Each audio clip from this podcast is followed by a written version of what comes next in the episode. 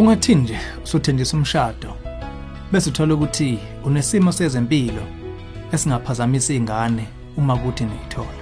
Sifuna ukubukisana ke lesi simo esinzima khona la ohlelweni ezomndeni. Angikubingelele. Ezomndeni uhlelo lokulethela izeluleko eziphathekayo ngabaka focus on the family.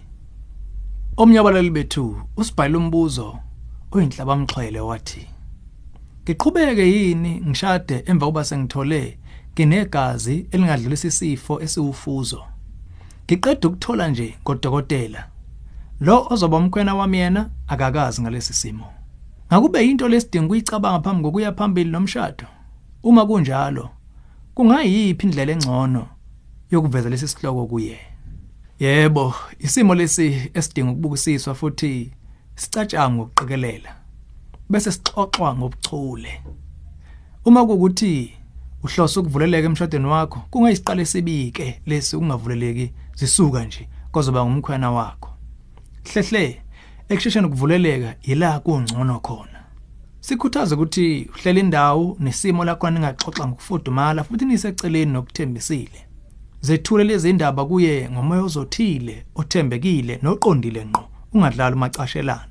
Beka amaphuzu njengoba wanikiwe uwezwe kudokotela. Indlela akazophendula ngayo ingase ikutshele kabanzi ngobuyena, izinga lothando lwakhe ngawe namandla obudlelwane benu.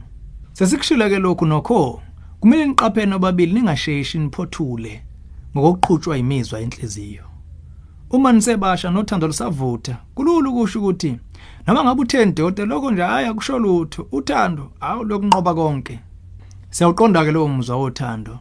Kusemqoko ukubhekana lesi simo ngokucacile. Nasodabeni futhi lokutholakala kwabantwana uma nifuna ukuvimba ukuyingqubuza ezindongeni nencindezi yasemshadweni kuyikusasa leni. Ngakho ke thathisisa isikhathi esanele ukucubungulisisa isiphetho lesimo sezempilo. Ngeke kuyisole ngokwenze njalo. Leli gxathi limbandakanya kuba nihambe nobabili niye kulo dokotela okhiphele imphumela niyoyibhunga naye. Kusona kwenzeka futhi nithande ukubona nodokotela ogxile ezifweni zofuzo lomndeni.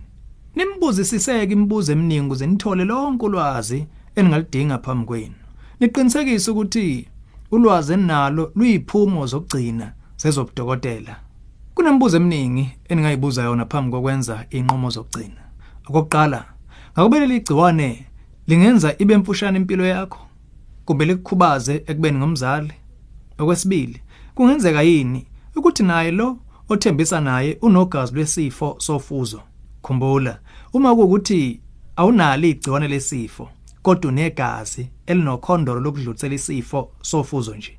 Kuleso simo ke abantwana bakho nabo basengaba ngabathwali nje bokhondolo kodwa bangabe naso qobo leso sifo lifuzo ngaphandle uma ukuthi nomkhwena wakho naye ungumthwalo wokhondolo ngokwegazi. Lokho kuhlale kuncike endleleni lolufuzo oluvela ngayo. Okunye ongakwenza kuba nesoka lakho lihlole ligazi lesifo likhondolo. Imphumela lokho kuhlole ngaba ngeke ngaqagula ikusasa leni. Ukhumbule futhi ukuthi zikhona indlela kuba nezingane ngaphandle kwazozizala amathupha. Ungazi adopter kumbe uzifoster okuyinto ke ongayibukisisa.